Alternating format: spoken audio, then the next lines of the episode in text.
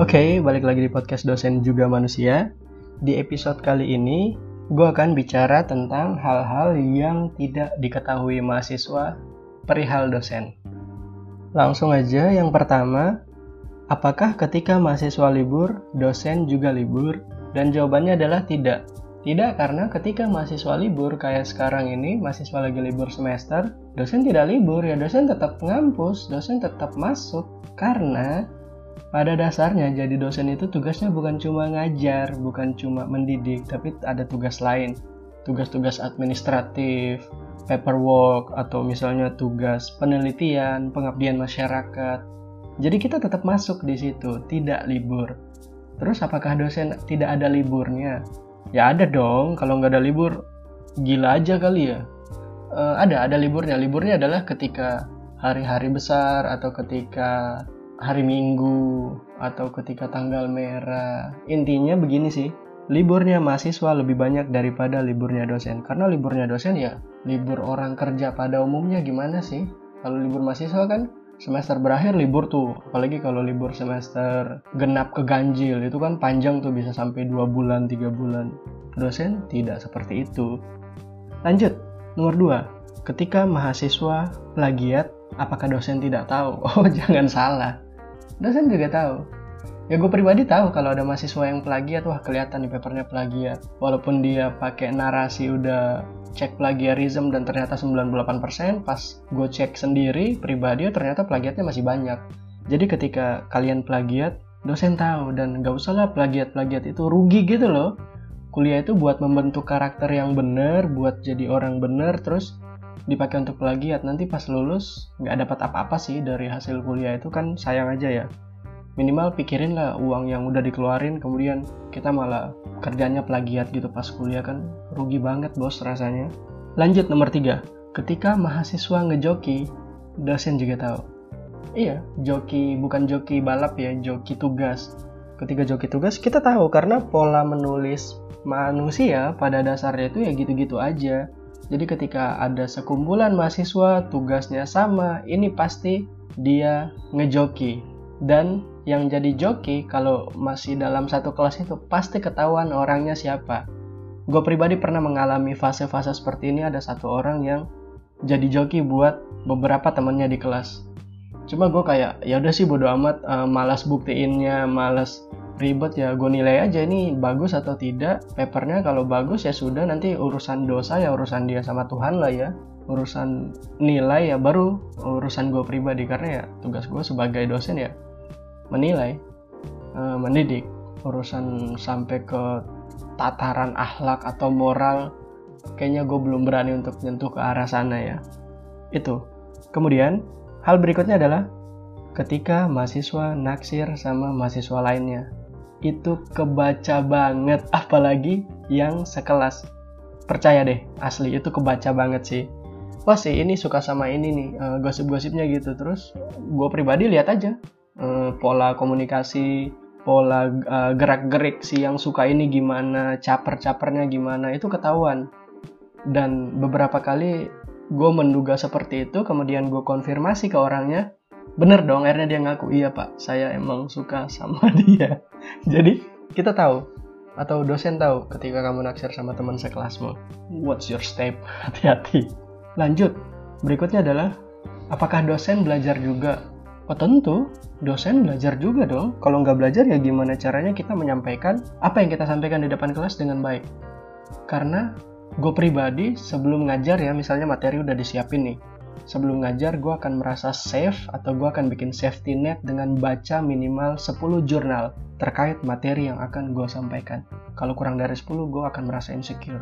Dan ketika gue merasa insecure, di situlah bencana akan terjadi gue akan tidak terlihat pantas untuk jadi dosen di depan mahasiswa dan jangan sampai itu terjadi karena logika sederhananya dosen harus lebih tahu dari mahasiswa. Dosen harus lebih segala-galanya dari mahasiswa urusan pengetahuannya karena kalau tidak ya nanti trust mahasiswa ke dosen itu berkurang. Akhirnya dosennya jadi dianggap sebelah mata dianggap remeh kan tidak boleh terjadi hal, -hal seperti itu. Apalagi ketika memutuskan jadi dosen ya memang pekerjaannya belajar. Berikutnya, atau mungkin terakhir ya, enak ya jadi dosen karena tinggal ngasih tugas, ngasih paper 5000, 8000 kata, selesai. Hey, gue kasih tahu ya kalian semua para mahasiswa. Dosen juga nulis paper. Ada kewajiban kita untuk terus produktif, terus penelitian. Karena ya seperti gue sampaikan di awal tadi, tugas dosen bukan hanya ngajar, bukan hanya mendidik, tapi tugasnya ya pengabdian masyarakat dan penelitian. Nah, penelitian itu dilakukan melalui paper, melalui tulisan. Pada dasarnya, orang-orang yang nyemplung di dunia akademis, baik mahasiswa maupun dosen, kerjanya itu-itu aja. Nugas-nugas. Kalau mahasiswa mungkin ada istilahnya zaman saya kuliah itu kutu kupret. Kuliah tugas, kuliah presentasi. Kalau dosen ya ngajar tugas, ngajar presentasi, ngajar tugas, ngajar presentasi, gitu-gitu aja.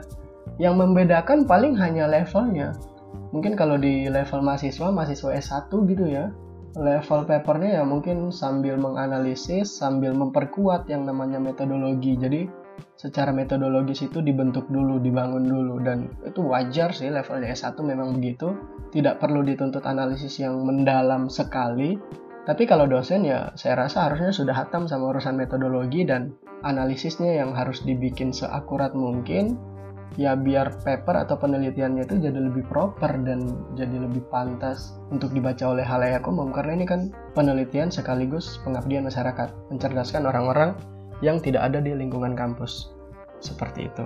Lalu kesimpulannya adalah kenapa gue bisa mengklaim bahwa dosen tahu apa yang uh, dilakukan mahasiswa tadi, kemudian beberapa hal yang tidak diketahui oleh mahasiswa tapi dosen tahu. Sebenarnya kuncinya cuma satu sih. Kuncinya adalah karena dosen pernah jadi mahasiswa dan mahasiswa belum pernah jadi dosen. Plagiat. Gue pribadi pernah kok plagiat. Jadi joki tugas. Gue pribadi pernah jadi joki tugas. Beli tugas atau memanfaatkan jasa joki itu yang belum pernah gue lakuin. Naksir teman sekelas pernah. Dipergokin dosen karena naksir teman sekelas pernah. Jadi ya pada dasarnya intinya adalah pengalaman. We've been through hell, kita pernah melewati hal-hal itu, jadi kita tahu dan polanya itu ngulang gitu-gitu aja. Oke, gue rasa itu saja hal-hal yang mau gue sampaikan dan sebelum ditutup seperti biasa, mulai episode kemarin ada yang namanya sambatan mahasiswa. Jadi di sini gue akan membacakan hal-hal yang menjadi sambatan mahasiswa dari mahasiswa gue sendiri.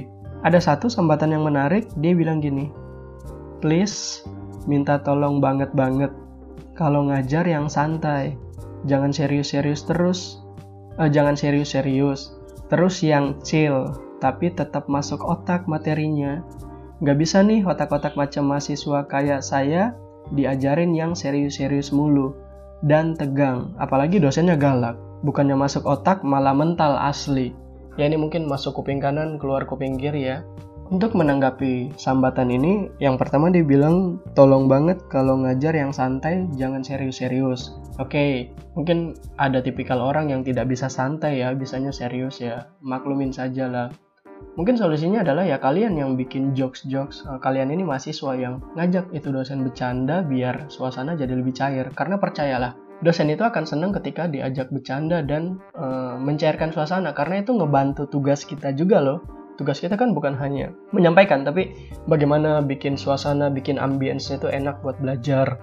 Dan ketika mahasiswa membantu melakukan itu ya kita berterima kasih sekali sih. Lalu Gak bisa nih otak-otak macam mahasiswa kayak saya diajarin yang serius-serius mulu. Ya gimana ya kalau kuliah itu kan harusnya serius ya. Cuma mungkin balik lagi ke tadi, mungkin packagingnya ya atau kemasannya itu sesuatu yang serius bisa disampaikan dengan cara yang santai dan itu dalam metode pengajaran namanya simplifikasi dan percayalah teman-teman mahasiswa, simplifikasi adalah hal yang paling sulit dilakuin bagi dosen karena kita harus menyederhanakan sesuatu yang rumit, yang utopis sekali, yang di atas langit kita bumikan itu luar biasa sulitnya sih. Saya jadi keinget materi terakhir di kelas hukum internasional kemarin ketika bicara tentang hukum humaniter internasional.